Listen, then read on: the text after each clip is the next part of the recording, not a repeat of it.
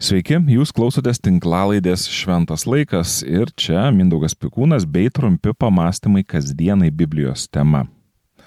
Richardas Cameronas, filosofijos profesorius, savo moksliniuose darbuose siekia atskleisti, jog kiekvienas gyvas organizmas turi tam tikrą tikslą savyje, taip pavadinkime, užkoduotą ar įrašytą tikslą. Filosofas tai vadina teleologija, kuri yra filosofinė koncepcija, teigianti, kad gamtos ar visuomenės reiškiniai turi tam tikrą iš anksto numatytą tikslą. Žinoma, ši savoka teleologija nėra nauja, apie tai svarstė jau žymusis graikų filosofas Aristotelis.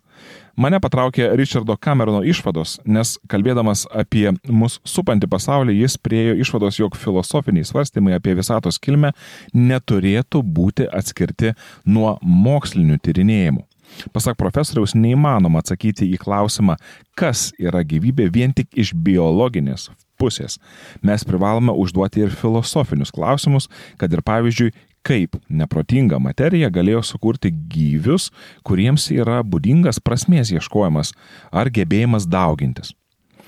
Viename iš savo darbų Richardas Cameronas pastebi, kad nudienos biologai, biologijos filosofai ar dirbantis dirbtinio gyvenimo srityje dar turi deramai paaiškinti, o kągi reiškia būti gyvu Mano nuomonė, rašo autorius, Aristotelis gali šią spragą užpildyti.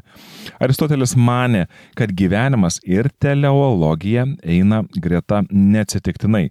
Jis gyvenimą apibrėžė išskirtinai teleologinėmis savokomis, tvirtindamas, jog teleologija yra neatsiejama nuo kiekvieno gyvio. Citatos pabaiga.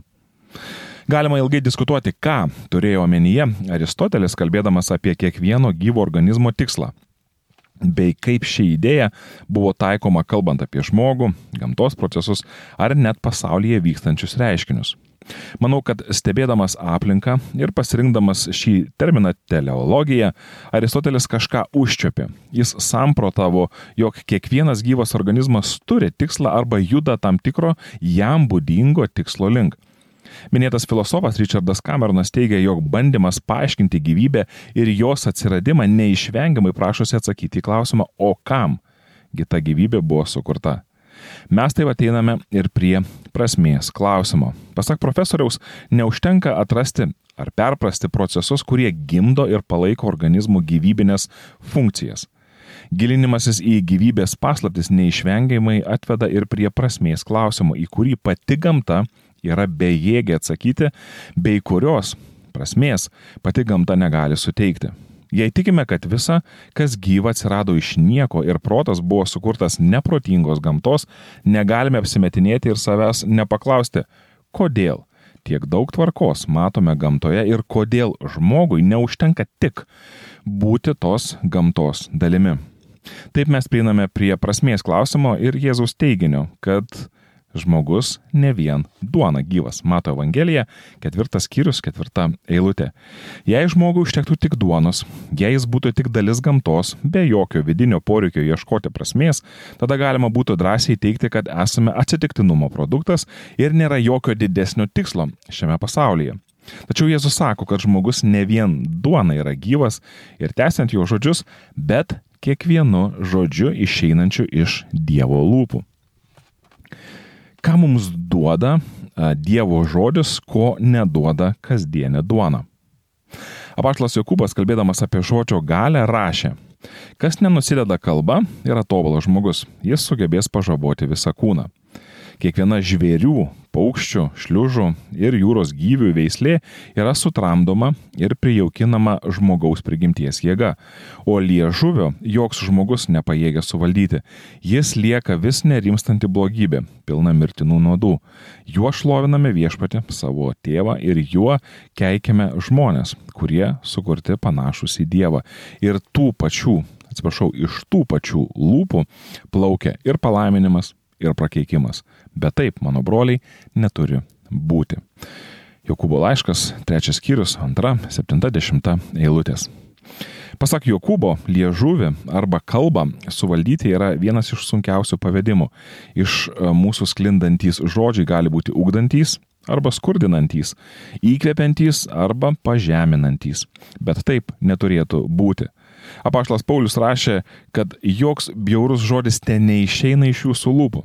Kalbėkite vien kas gera, kas tinka, pamokite ir duoda naudą klausytojams. Laiškas Efeziečiams 4 skyrius 29 eilutė.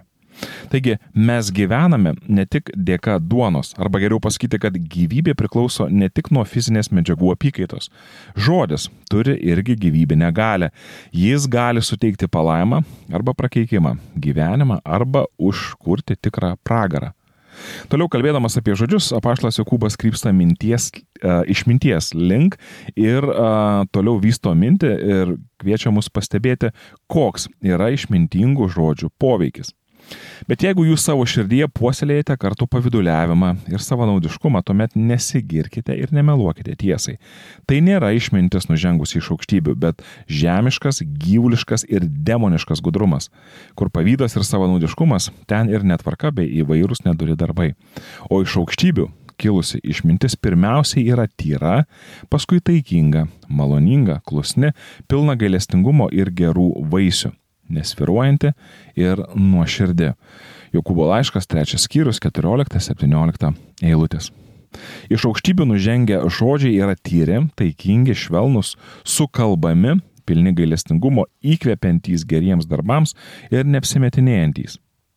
Kas nenorėtų gyventi tokioje aplinkoje ir kas prieštraus, jog tokioje aplinkoje mes jaustumės iš ties gerai tokioje tiesos šviesoje mes iš tiesų būtume laisvi. Biblija mus kreipia, jog tokiame santykėje su Dievu, kai klausomės, geriame jo žodį ir jam paklūstame, mes iš tiesų atrandame gyvenimą, kurio paprastas rūpinimasis maistu niekada nesuteiks. Santykėje su Dievu per jo žodį mes atrandame savo tikrąją prasme ir tikrąjį gyvenimą. Todėl iš principo sutinku su Aristotelio mintimi, jog žmogus, uh, žmogaus būtis yra teleologinė arba turinti konkretų tikslą. Ir šį tikslą, manau, kad mes atrandame susitikę būtent su kurėju, su Dievu.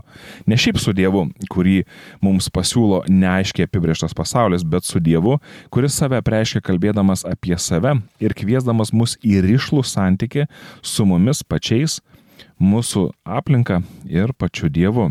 Ir šį prieškimą mes matome Jėzuje, kuris ir tapo žodžiu arba, kaip graikai sako, logosu, nukreipusiu su juo susitikusius žmonės gyvenimo link. Biblija pasakoja apie tai, kad nuodėmė atėjusi šį pasaulį atėjo ir mirtis. Sename testamente vienas iš nuodėmės apibūdinimų, verčiant šį žodį iš hebrajų kalbos, yra nepataikyti į taikinį. Taigi atėjus nuodėmė į šį pasaulį, žmogaus tikslas arba prasme išsiderino ir tapo sunku pataikyti į taikinį, gyventi pagal paskirtį ir galų gale sugyventi su savimi pačiu. Todėl kiekvieną kartą, kai nepataikome į taikinį, esame kviečiami atgailai. Esame kviečiami atsiprašyti, pripažinti klydus ir vėl padrasinami bei įkvėpiami bandyti dar kartą. Kas kartą atsisakius atgailos mes esame Mes save numenkiname ir nužeminame. Mes vis ryškiau nepataikome į tikslą, kol gyvenimas taip išsiderina, jog lieka tik mirtis. Aš čia prisimenu biblinį pasakojimą apie Dievą, Edeno sodą, žaltį bei gėrio ir blogio pažinimo medį.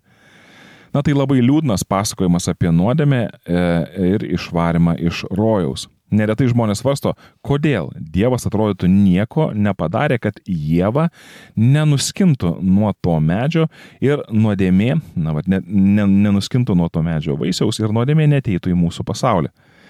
Ir savotiški priekaištai Dievui yra metami ne tik dėl tos vienintelės lemtingos dienos. Tačiau tą dieną Dievas rinkosi didesnį gėrį ir pasirodo didesnis gėris yra visata, kurioje blogis egzistuoja kaip galimybė Didesnis gėris yra gyventi su galimybė blogiui, nei pasirinkti, paminti visų teisę į laisvą pasirinkimą ir vienašališkai pasirūpinti, kad blogio niekada nebūtų. Dievui dažnai mes metame priekaištus dėl vieno ar kito dalyko. Dažnai mūsų komentarai yra pilni tuštybės, nors žvelgiant iš apačios gal net logiški. Tačiau labai dažnai, kalbėdami apie savo uh, problemas, iš savo širdžių tuštybės, mes kaltiname Dievą vienu ar kitu dalyku, nesuprasdami, jog Dievas elgesi vedinas to, koks jis yra. Čia Aristotelio teleologijos idėją galima pritaikyti būtų ir pačiam Dievui iš dalies. Dievas nėra sukurtas, jis neturi nei pradžios, nei pabaigos, vis tik jis kaip meilės, teisumo ir šviesos šaltinis negali elgtis priešingai savo prigimčiai. Jis visada lieka ištikimas savo ir, jei galima tai pasakyti, visada pataiko į taikinį. Jei jis imtų ir pasielgtų kitaip, jis negalėtų su savimi sugyventi. Lygiai taip pat kaip mes negalime su savimi sugyventi pasirinkę nuodėmę ir taip vis nepataikydami į natą savo gyvenime. Žmonės kaltina Dievą nuodėmės atsiradimu, dažnai kaltina ir um, nepakankamu gal kartais įsitraukimu į savo gyvenimus.